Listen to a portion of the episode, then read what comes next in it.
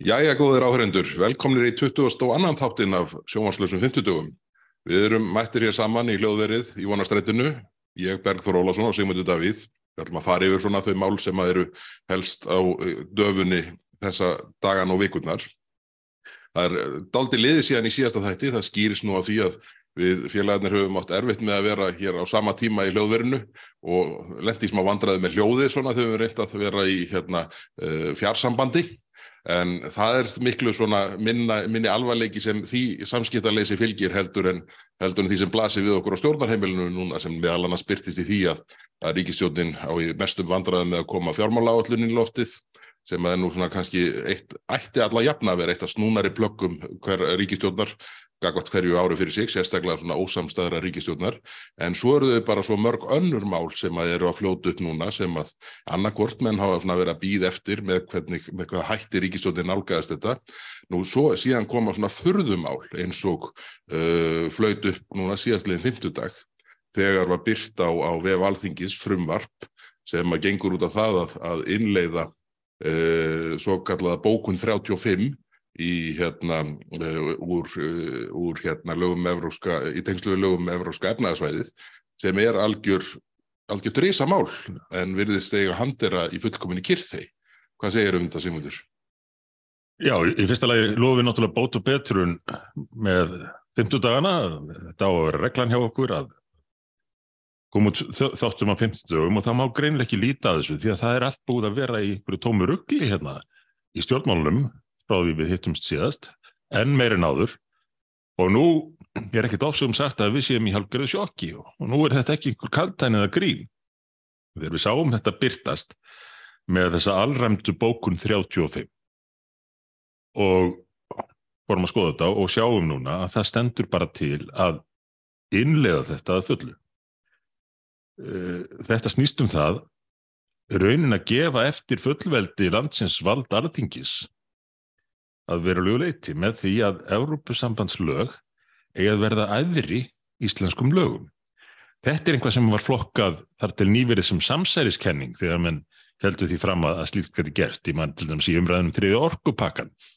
Þá voru nú ymsir til að minna á að já, íslensk lög verða nú alltaf aðri Európusambandslögunum. Þeir sem að vörð við þessari þróun uh, voru sagaður um falsfréttir eða eða búa til áþarf áhyggjur. En hér er þetta bara komið fram og ég ætla að lesa eh, bókun 35 eins og hún byrtist í greinagerð með frumarpunum. Bókun 35 er svo hljóðandi, segðar hér, vegna tilvika þar sem getur komið til áreikstra á milli EES-regluna sem komur eru til framkvæmdar og annar að setja á laga skuldbinda eftirríkin sig til að setja, ef þau krefur, laga ákvæði þess efnis að EES-reglur gildi í þeim tilvikum. Ég er reyndar ekki vissum að þetta standist stjórnarskrá, eh, en þarna er verið að taka þetta alla leið og gera ESB og fyrir vikið EES lög, reglur, aðri íslenskum lögum. Þetta er að mínum að þið stærsta mál sem hafur komið til umræð Íslenskum stjórnmálum lengi og þó eru þau mörg gríðarlega stór þessa dagana en, en þá er þessu skeltin ég, mér, ég, segi það bara hreint út, mann man er brúðið Já, ég hef ekki orðið uh, já, hissa á þess, uh, varandi þetta lengi því að þetta er og bara að því þú tókst þennan text upp úr greinagerðinni þá stendur hér bara í fyrstu grein frumarsins uh, ef skýrt og óskilirt lagákvæði sem réttilega innleiðir skuldbindingu samkvæmt EES samningnum er ósamrýmanlegt öðru almennu lagákvæði skal þið fyrrnemda ganga framar. Já. Það er bara verið að teppalegja yfir þegar gildandi innlendan rétt Já. með Európa samfansreglunum. Já. Þetta er algjörlega ótrúld mál og þetta einhvern veginn virðist eiga, eiga sér stað í kyrþegi eins og svo margt annað sem snýrað að Európuréttinum.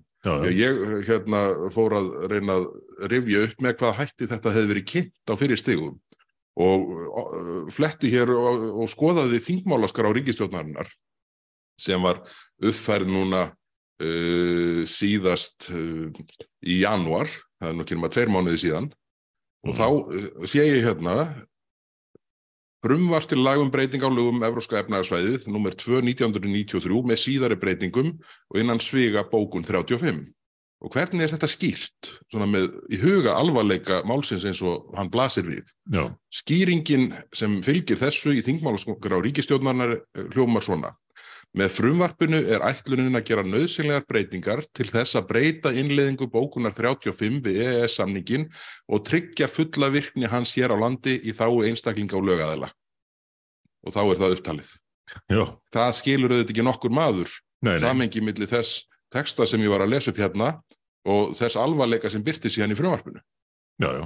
ekki nefn einhverjir sko nokkrir uh, sérfræðingar í þessum rétti en fyrir svona almenning og ég leið mér að fullir það bara þingmenn þá er þetta algjörlega uh, úr samhengi við alvarleika þess sem hér byrtist Já, já, og eins og segir, verðist vera markmið að lauma þessi gegn og það er nú oft tekist að lauma stórum breytingum í gegn, ekki hvað síst á, á EES-viðinu.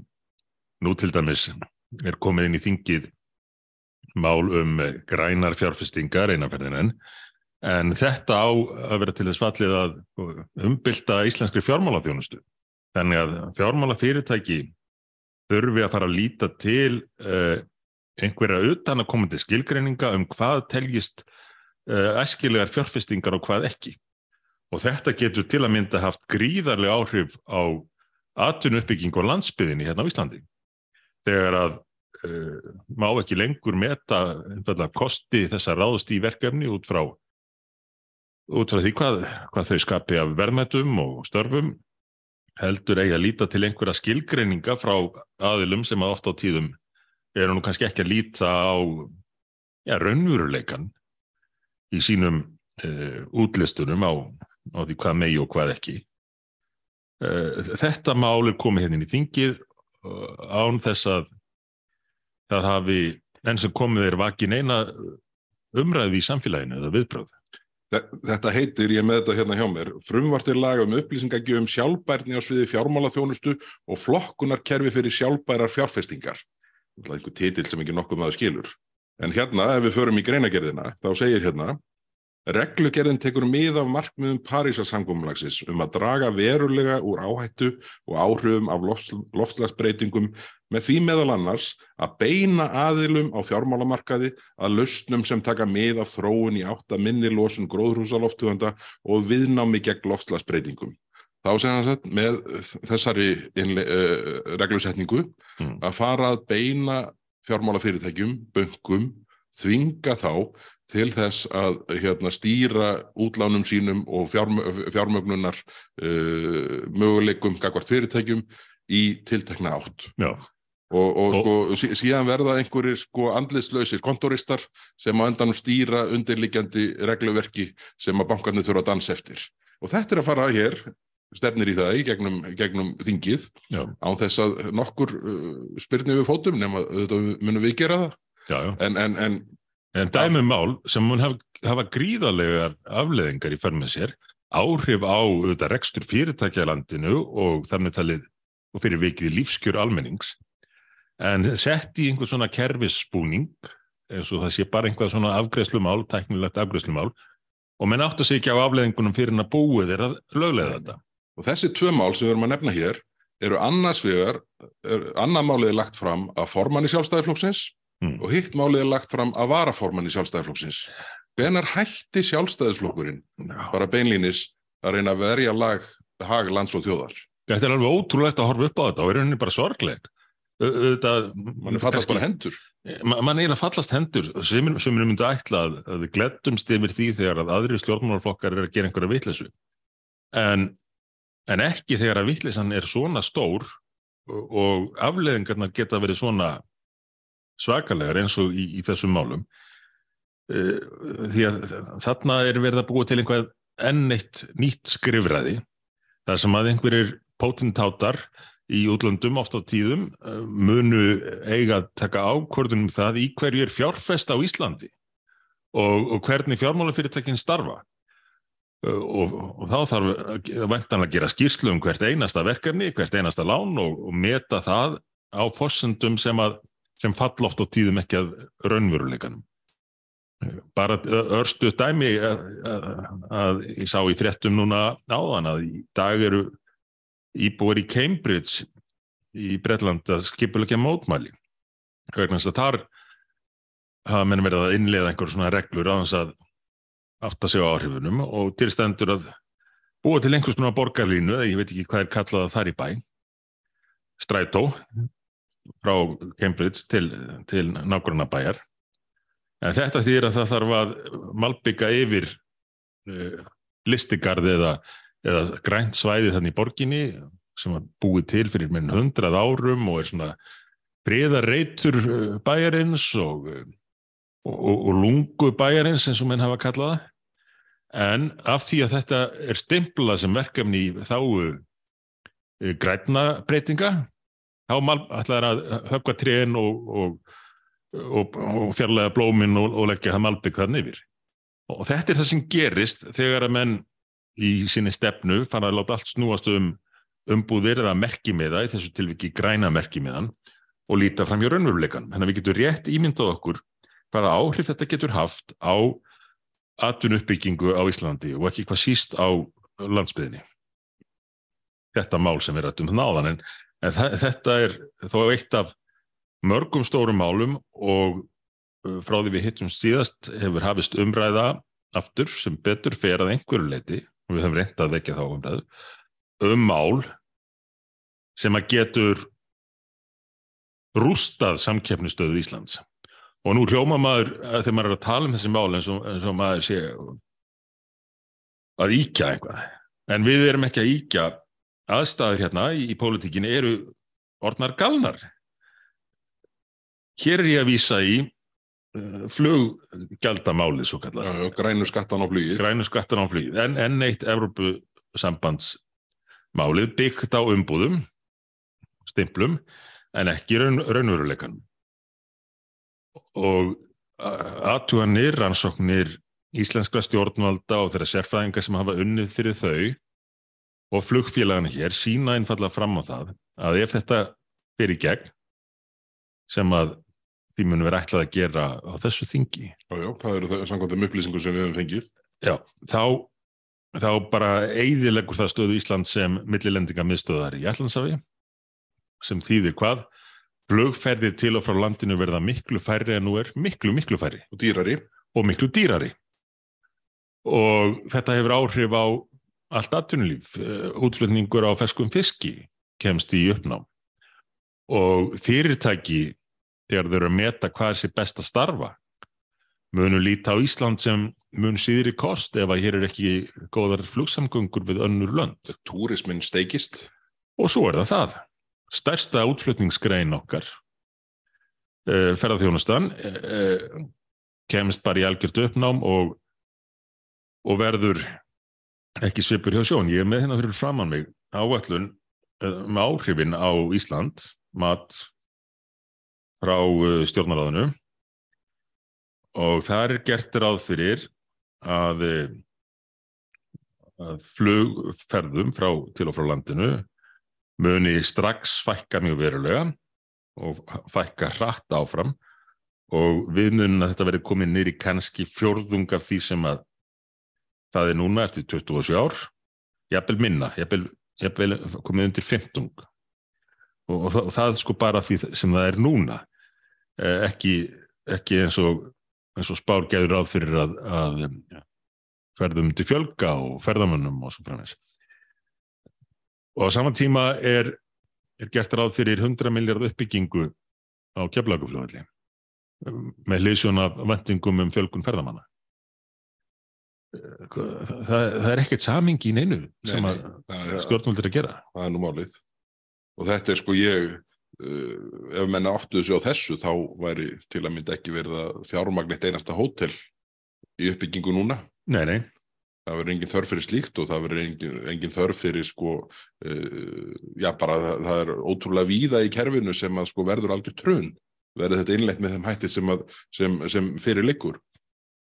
Þegar við horfum á það og, og mín kenning hefur nú verið svo að Ríkisjóðin ætli sér að reyna að halda þessu máli svona í eins mikið kyrþegi og hætti er mm -hmm. og það sé nú að verða erfiðar og erfiðara fyrir þá fram yfir Evroparástingi hérna um miðan mæ Já, og ætla síðan að taka þetta í einhverslega svona blitzkrík nálgun frá miðjum mæ til þingloka sem verður þá væntan lengur tíman í námyndaðu 17. júni mm og, og allt, allar fréttir sem að þessu berast benda til þess að það sé hafi engin árangur náðst síðan Katrin Jakobsdóttir fórsettsráðra sendi þetta uh, panikbref til Úrsula von der Leyen 15. júni í fyrrasumar já, sem Úrsula von der Leyen svaraði síðan þarna í ágúst og í fyrra og, og var byrt í síðustu viku loksins.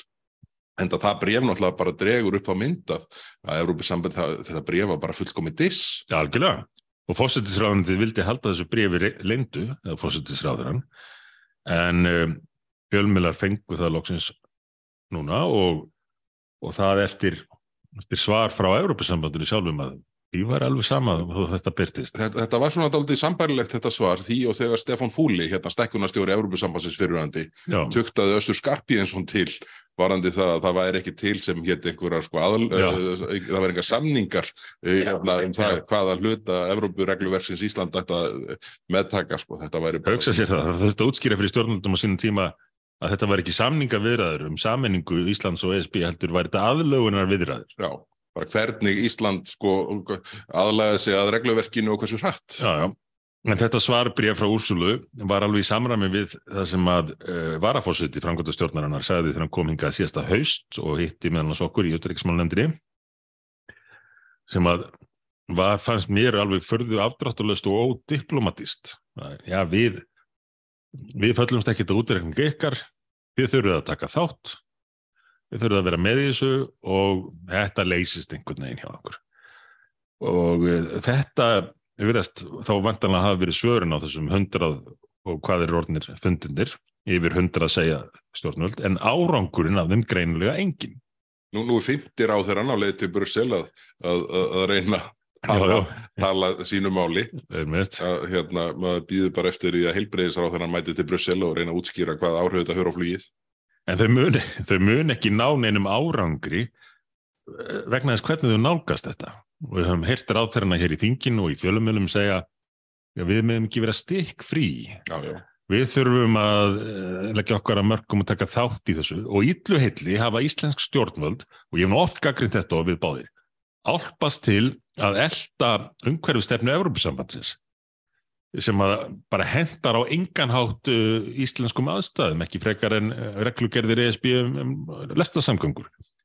En, en þau hafa eld Evrópusambandið og nota það oft á tíðum sér raukstuðning fyrir ýmsum misvitrum ákvörðunum hér og þá segir ESB bara núna byrju, þið, eru, þið eru með þið eru með í þessu þannig að þið geti get ekki ætlast til þess að fá undar þáur frá því sem að þið eruð að vinna að með okkur. Og, og, og þegar að íslensk stjórnvöld svo nálgast það með því að segja við, við viljum vera með, við viljum vera með og, við viljum ætlum, ætlum ekki vera stikkfrí. Þá hugsa menn bara þarna á þessum hundrað og hvað er orðin fundum. Já já, þau, þau innlega þetta á endanum, þau gera það alltaf. Við þekkjum þetta fólk. Þreytum þeim bara og lags. já, já, já. Þannig að þau þurfa að segja bara þetta hendar ekki okkar aðstæðum. Ef Ísland fær ekki undan þá frá þessu þá samþykjum við þetta ekki. Og þá farið þið ekki af stað með þetta plan ykkar nema nema sé undan þá fyrir Ísland. Af því þetta er slíkt grundvallar mál um lífskjör landsins framtíð þess að það má ekki eða, ja, hvað er komið, ætla þess ekki vera komið eitt ára að fundahöldum núna í endalisa fundi sem að snúast um það að, að segja frá því hvað við séum einbetti því að vilja vera með en, en viljum bara fá smá aðlugun að þessu. Því að aðstæður á Íslandi eru allt aðrar í umhverfismálum í heild og í þessu þar sem að eh, flug er miklu stærri þáttur í okkar efnagslíf en annan staðar. Uh, ferðarþjónustan er stærsta útflutningsgreinin okkar, stærsti gjaldæris skapandi greinin og hefð augljósa uh, við förum ekkert svo glatt til útlanda með jafnbrytalest. Það er bara verið að segja öllum að fara í norrænu. Já, þetta, þetta gengur út á hjá örbjörnsambundin að tróða fólkin í jafnbrytalestina. Fólks, fólki sem vill ferðast með flugi þá tróðaði í lestir. Já, já. Hér á að tróða Íslendingum í norrænu. Akkur, já, ég veit ekki hvort þið samþykja en Lorrænu, ég veit ekki hvaða elsnendi hún brennir, en uh, Eh, Þetta allavega hendar ekki á nokkurn nátt íslenskum aðstæðum eh, og, og við þurfum að sjá miklu skýrari, harðari afstöðu hjá ríkistjórninni ef, ef við erum einhverja von um að ná árangri í þessum viðræðum, en ef við náum ekki árangri þá getum við ekki samþýtt þetta. Eh, Og jafnvel þó að kæmi einhver svona má- má- málamynda árangur. Þetta er það sem ég hef óttast og, og nefnt í, í ræðum henni í þinginu. Blaðamannafundurinn sem maður sér fyrir sér, það sem að ráþeran kynir það að, að hafi tekist í samræðu við Evropasambandið að fá ákveð sverum undan þá fyrir Ísland sem að felist í aðlugunartíma og einhvað svona bla en áhrifin verða á endanum Sumu. Já, já, og koma fram strax. Já, Þau koma fram strax. koma fram strax auðvitað eins og þú nefndir með, með sko, ferðarþjónustuna menn, menn hætta þá bara að fjárfesti því Eh, eh, veitingastaðinir þetta hefur áhrif á allt í, í samfélaginu Já, já. Bara til að loka þessum Evrópu kaplokkar hérna í byrjun þáttarinn, sko, þá langar við að lesa hérna úr, uh, uh, eina setning úr greinagerðinni úr hinu frumvarpinu, þarna það sem á að þvinga bankana til þess að uh, fjármagna fyrst og fremst það sem einhver kontorist í Brussel vill, hérna, vill að verði hort til. Þar segir ítarlegri tæknileg viðmið um hvaða atvinnustar sem eitt helst færa verulegt framlag til umhverfismarkmiða reglugerðarinnar verða útfærð í framseldum reglugerðum framkvæmdastjórnar Evropasambassins. já, Það fer bara um hann hrollur. Ef að menn Svo- halda að stjórnmálamenn hafa einhver aðkomað þessu setningstugum, einmitt. þá það bara fullkomi Já, sjálfsvæg. og verða þau ekki búin að innlega hérna, 3050 bókunina um að, þau, um að við getum ekkert gert Nei, nei, heimitt. Þetta bara, bara teppaleggi yfir innlendan rétt, gildandi. og svo bara á einhver konturisti út í Brussel að, að geta breytt reglunum að vild verða útfærið í framseldum reglugerðum framkvæmdastjórnar Evropasambassins takk fyrir. Þetta er bara, þetta er, þetta er bara setur manni, setur að manni ónót. Þetta er bara, þetta, þetta er vekkferðin sem formaður og varaformaður sjálfstæðurflokksins er að taka okkur í. já, Hver hefur trúið þessu? Hvernig gat þetta gerst og, og maður segir nú bara eins og, og Seðlabankastjórun þegar hann sagðist með einhverjum orðum vera búin að gefast upp á því að, að stjórnvöld myndu taka einhver tátt í að takast á við verðbólguna Breiðir ekki bleki að sko ræða þau í yfirlýsingum sínum. Nei, maður er bara búin að gefast upp á að þessi ríkistjórn muni ná áttum Já, þetta er alveg, alveg með ólíkindum. En þetta er ekki það eina. Við eiginlega verðum að fara yfir í, yfir í svona uh, vexti og verðbólgu uh, sem er svona dálítið alfa og omega umræðuna núna þó að þessi tvö Evrópusambansmál ættu þetta að vera það. Já, já. Og, og, og náttúrulega vextir og verðbólga samt er risastótt mál sem að í öllum, við allar eðlilegar aðstæður væru, Já, já, væru aðal málið í, í pólitíkinni. Eh, fólk er farið að finna alveg svakala fyrir áhrifun með þessu núna, ekki hvað síst ungt fólk sem er til til að nýpa og kaupa sér húsnæði. En þetta er áminningum að ríkisfjármálinn skipta máli. Það hefur oft í pólitíkinni reynst erfitt að uh, ná aðtegli með því að tala fyrir uh, rík, uh, fyrir skynsemi í rekstri ríkisins og skynsamleiri meðferð skattfjár. En á endanum hefur það áhrif á kjör og velferð allra ef að stjórnvöld fara fram með sem, þeim hætti sem þessi ríkistjórn hefur gert með því að slá öll met í útgjöldum ríkisins. Aftur og aftur eru metin slegin og svartsýnin á framhald, framtíðin aldrei verið eins mikil eins og hjá þeim. Þau ætla bara einhver annar ríkistjórn að leysa þetta síðar. Ge gera sér ekki, ekki einu svona vonir um, um að ná sjálf tökum á ríkisfjármálum samkvæmt áallum þeirra og, og hvaða afleðingar hefur þetta á endan? Jú, við reyndar síndum því kannski ákveðin skilning hann á COVID-tímanum þegar þau voru að loka atvinnulífinu að, og, og verðmættasköpunni að þá þyrfti að halda fyrirtækjunum á, á flotti og, og það myndi kosta eitthvað en það var að því það fylgdi sögunni á þeim tíma að við myndum strax og, og lókunum líki þá þyrfti að fara að spara og borga niður skuldirnar en svo gerðist þveru auðvögt, þau höfðu bara búið sér til nýtt golf í útgjöldum og svo byggðu þau og byggðu og byggðu ofan á það. Já, já, algjört stjórnleysi. Og, og, og hver er það áaflæðingin?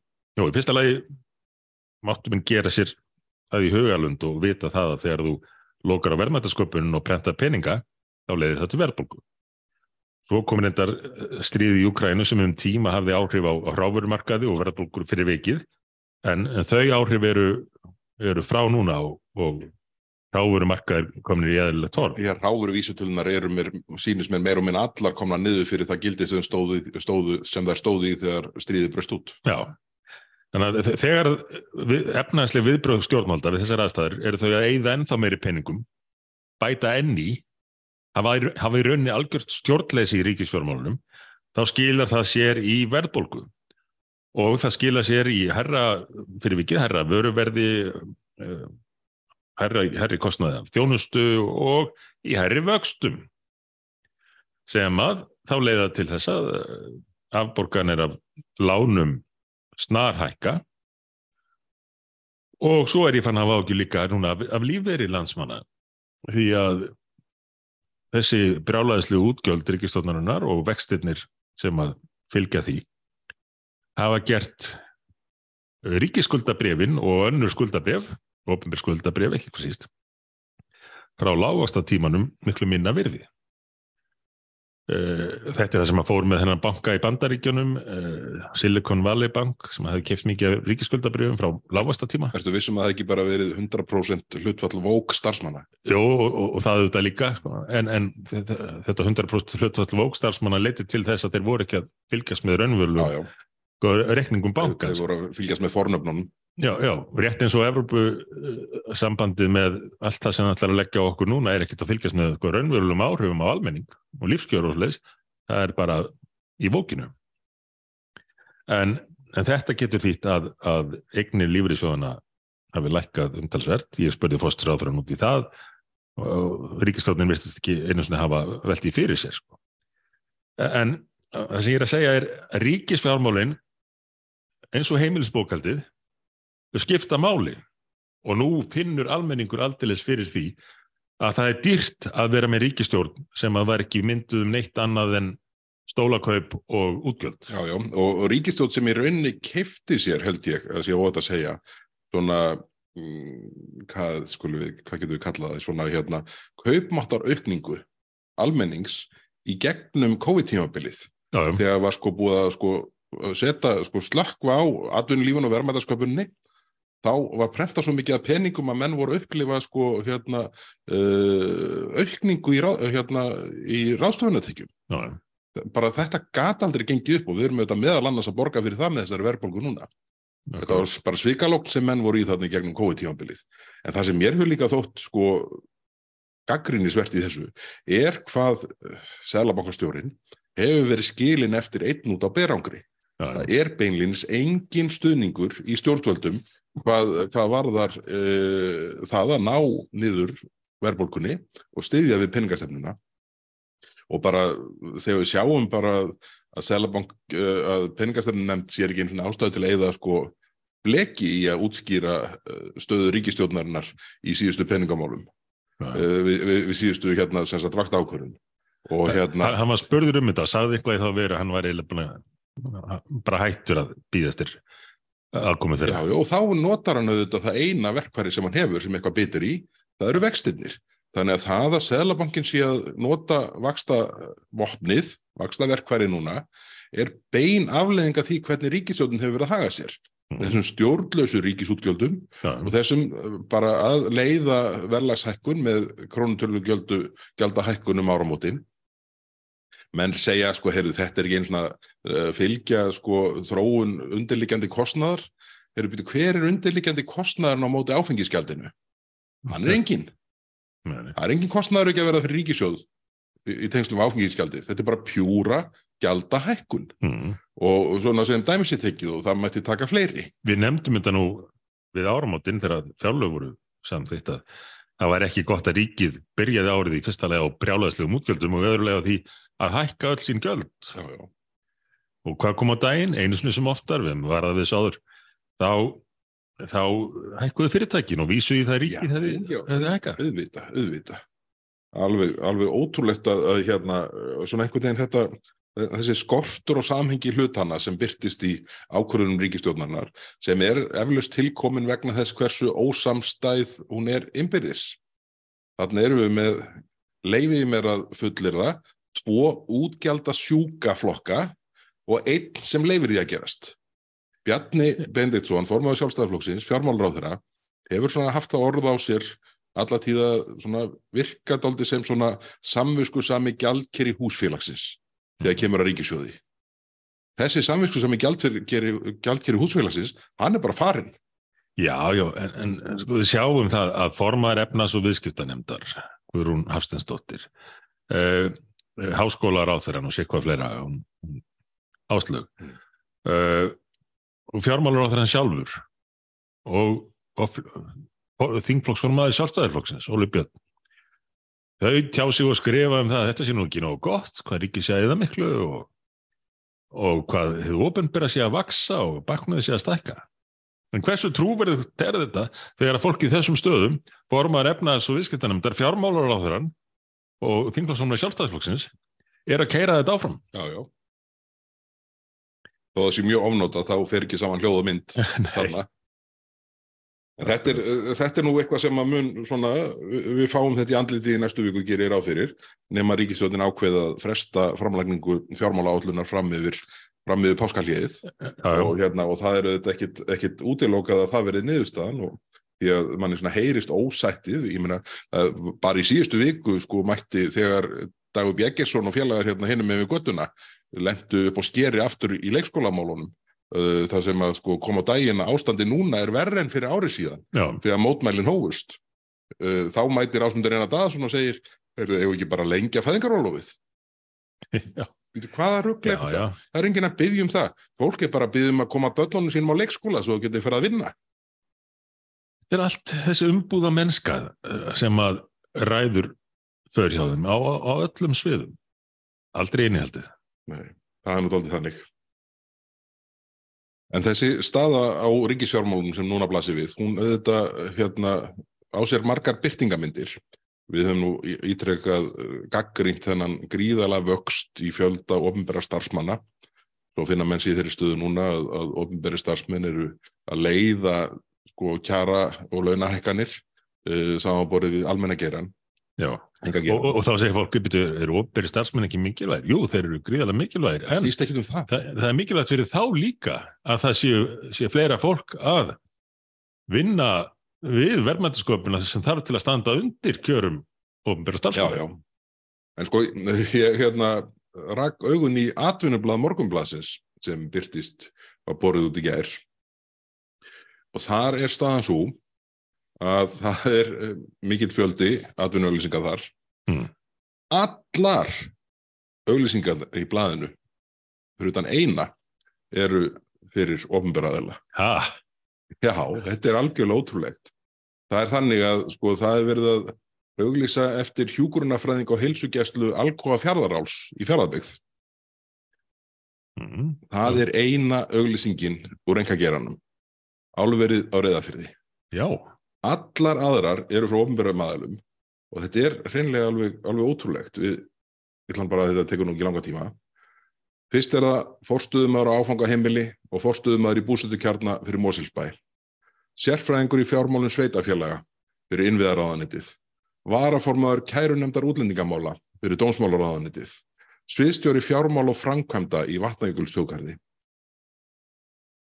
Það eru hérna tvö störf fyrir fjárðarbyggð. Viltu vinna í fallegu umhverfi með góðu og skapandi fólki? Vissulega er fallegt umhverfi og gott fólk þarna fyrir austan. Þarna eru tvö störf ofnber hjá fjárðarbyggð. Lögfræðingur á skrifstofu félags- og lífeyrismála í félags- og vinnumarkasráðanitinu. Yfir lögfræðingur frá Ísafja. Svo laumast þetta inn á milli hjúgrunarfræðingur í heilsugæslu hjá enga fyrirtæki.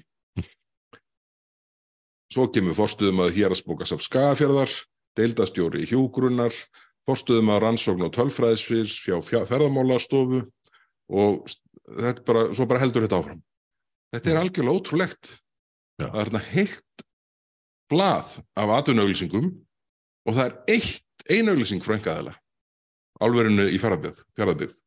allt annað er ofinbært Þú erum vel að geima þetta blað, þetta er sögulegt.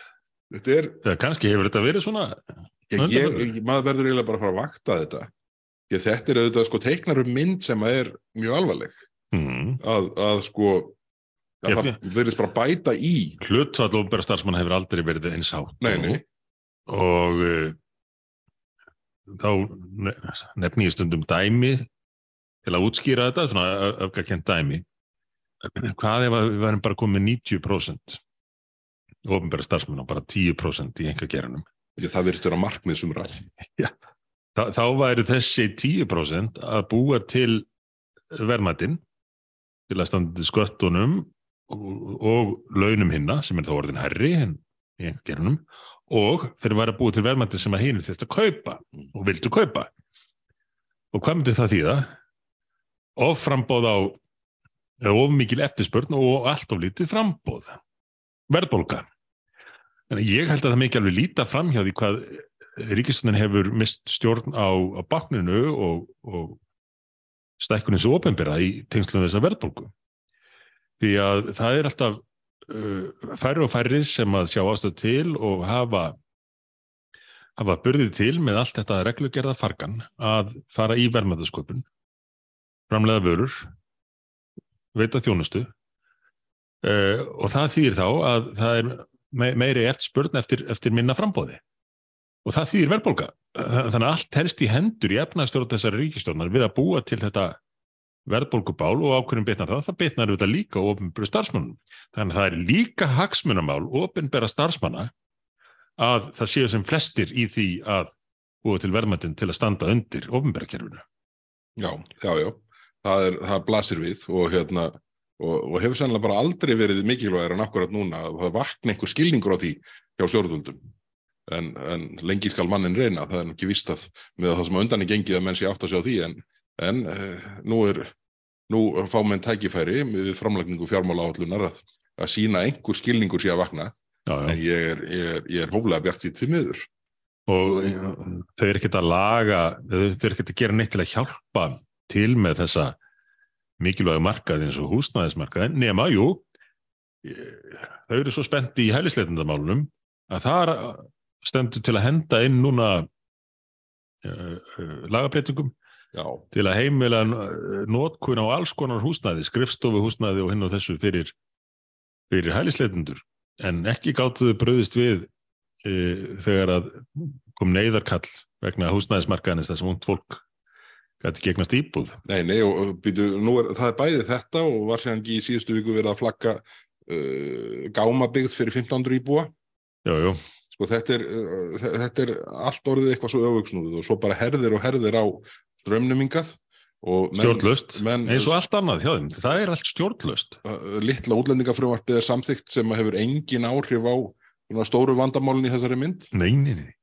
og svo uh, ganga menn fram sem aldrei fyrr hvað það varðar að, að grauta saman hælslitnakerfinu og vinnumarkasmálum. Það er, það er eins og þessi sérstætt markmið að gera þessi mál svo rugglingsleg og óskilvirk að ekki nokkuð með að skilja eða nenn að setja inn í- setja inn- net- nenn að setja sinni í það. Ég leit nú við á fundi velferðanemndar sem var verið að ræða þetta og það er vist sem en helst af ágjör af nafni í stofnununar. að Það þurft að koma skipt fram í nafni Eðlilega. væri. Eðlilega, það er auðvitað stóra vandamálið. Já. En sko á liðnu ári lísti fjármálráður ráður að því yfir að beinn kostnaður ríkisjóðs af uh, útlendingamálum hefði verið 10.000 miljónir, Mhm. 10 miljardar og beini kostnaðurinn er bara brot af heildarkostnaðunum. Já, bara svona uh, umræðanar vegna að segja beini útlaði kostnaður ríkisjóðs sé þriðjungur. Já, Þá er þetta uh, 30 miljardar.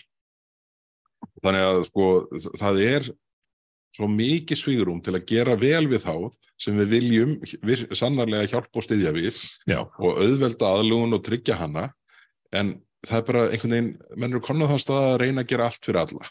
Og það er náttúrulega bara heilu stjórnmálaflokkarnir meðal annars sá ríki, flokku sem er í fórust í ríkistjórn sem vilja hér að þér virðist opna allt upp á gátt. Já, það var haldið hér einhver fundur í háskólanum fyrir ekki löngu síðan það sem uh, aðilar vittust vera að tala sín á það að, að 5.000 hælislendur ári væri bara þetta nýja golf, svona eins og í ríkisfjármálunum. Já. og væri bara spurning hvað menn fær upp fyrir það.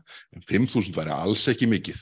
Það er sko næstu því heilt Akranes á hverju ári. Já, hérna, já.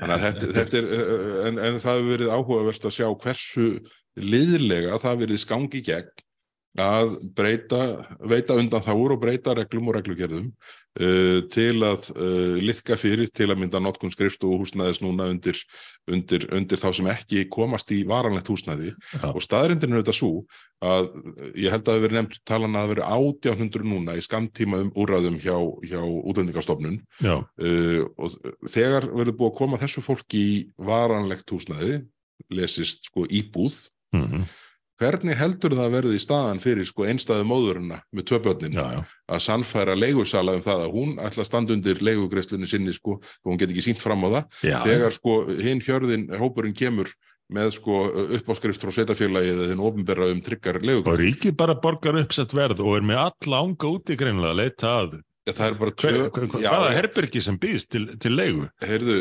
hérna hann hérna, hann hérna Gilvi Þór sem að hérna fer fyrir, fyrir húsnæðusmálunum fyrir höndur Rauðakrossins saði það nú bara í fréttum í gær að það væri búið að leita um allt land á húsnæði Já. og það væri búið að taka allt húsnæði sem hefði fundist. Já.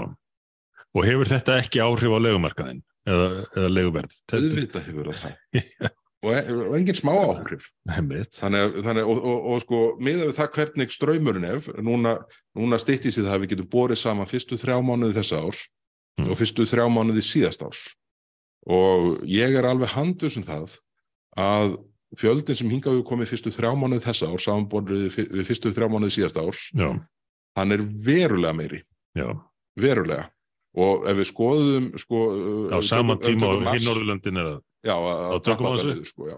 Við tökum mars út úr, já, því ég bara er ekki með nýjustu tölunar, en ef við horfum á sko november, desember, janúar, februar, þá eru til að mynda fleiri að koma hingað samanlagt á þessu tímabili heldur en frá Venezuela, heldur en frá Úkrænu, já, þar sem er stríð. já, En sko, Venezuela er bara vinstri stjórn. já. Þetta er, þetta er hérna, já, þetta Við er, býðum bara eftir því óskurðu nefndum útlendingamál skilgrinni í næsta land eh, sem land sem eigi að vera allt opið fyrir. já, já, já, akkurat. Herruðu, en látið þetta döga af útlendingamálum í bili. þá var að fara að uh, uppfæra samgöngusáttmálan. Ég Já. skrifaði nú pistilum með í mokkan núna í, í, í, í vikunni sem leið. Þetta Já, er, fýtt pistill. þetta er auðvitað allt mesta furða.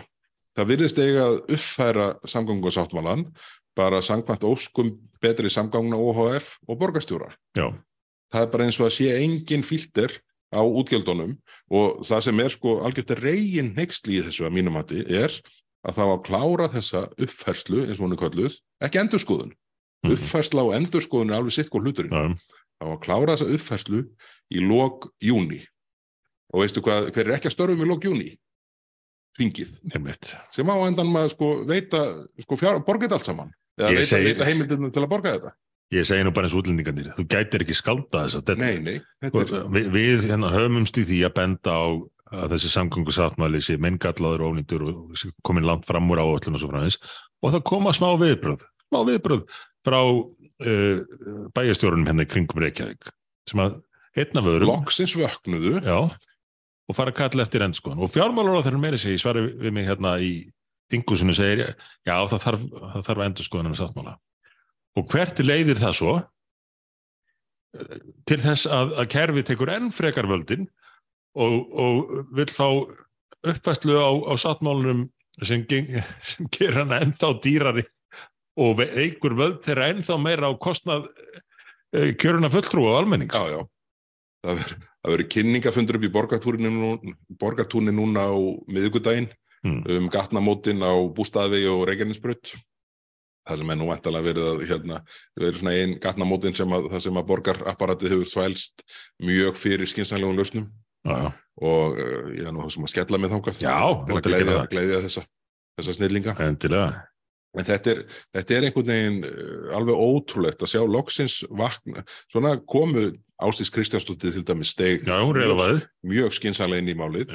Og, hérna, og eftir fylgdu bæjastjórarnir í Garðabæ, Hafnafyrði og Seldjarnissi og alltaf fullkomið þögn úr Moselsbæ einhver hlutu vegna, Já, mann ekki hver er í fyrirsverið þar en ég held að sé framsvona fólk og, og, og, niðurstæðan svo við ætlum að klára þessa uppfærslu, sko, þessi uppfærsla, það væri bara hægt að lappin í versló Mm. það getur bara einhver unglingurinn þar uppfært þetta á svona korteri, Já, bara slegið tölunar í Excel og sett vísitöluna á og afgreitt. mm, Þannig að það er hægt að græja það bara í vikunni.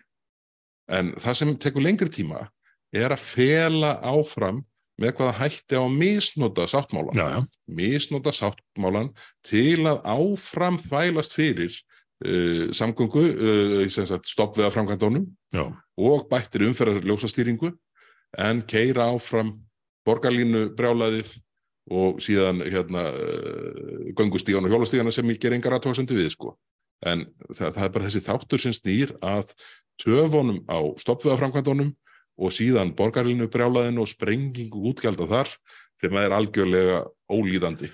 Og samhliða þessu er fjármálaráþurinn farin að tala aftur um veggjöldin og það sem maður óttast nú í því og getur eiginlega gengið út frá sem vísu er að það verði ekki farið eftir leið sem að við höfum bent á félag íslenskra bifræðegenda að veggjöldin komið þá í staðinn fyrir önnurgjöld á umferð og þau falli niður á móti. Nei, hljóttu við ekki að gera ráð fyrir því að veggjöldin eh, tafagjöldin sem þau ákveðu síðan að kalla flýtigjöld eh, leggist bara ofan á Borgarlínu skatturinn. borgarlínu skatturinn leggist ofan á hitt þetta er allt á sumu bókina lært við höfum nú oft rætt að hérna hvernig hvernig borgarstjórunum hefur tekist að plata samgöngur á þeirra hún við raðplatan í uh, öllum þeim verkefnum sem að þeir hafa stundað út af. En, en það sem ég skil ekki alveg er, er, er samgöngur á þeirra að plata fjármálar á þeirra eða hvers vegna er ekki stíðið niður bæti fastar þar? Er, er það vegna þess að sjálfstæðisflokkurinn fær að hafa einhverja tvo menn í vinnu þannig hjá betri samgöngum eða Þetta er alveg óskiljanlegt og bara svona einhvern veginn virðing fyrir skattpenningum fer hratt minkandi og, og en, en allt og hratt hjá, hjá þessum góðu vinum okkar finnst mér í sjálfstæðarflóknum. Þau bara verða að setja sig í stand. Ef þetta er gjaldið fyrir það að vinna með framsóknarmönnum og vinstri grænum í ríkistjóð, þá er það bara fullkomin niðurlæging. Já, en, en eru þeir ekki bara farnir að láta sér vel líka? Sko? Það- Þeir eru komnir í eru komnir í þetta hugarfar bara eigðum pinningum og, og það er annar að leys úr því síðar. Já, já, það er það, er það sem virðist blasa við. Eru, hérna, og og eftir vókið sem að sjálfstæðsflokkunum er komin í líka, hann, hann gefur nú ekkit eftir í því, kakvart úff. Heyrðu, nú fyrir að styttast í teipinu hjá okkur. Já, Er eitthvað sem við eftir að nefna?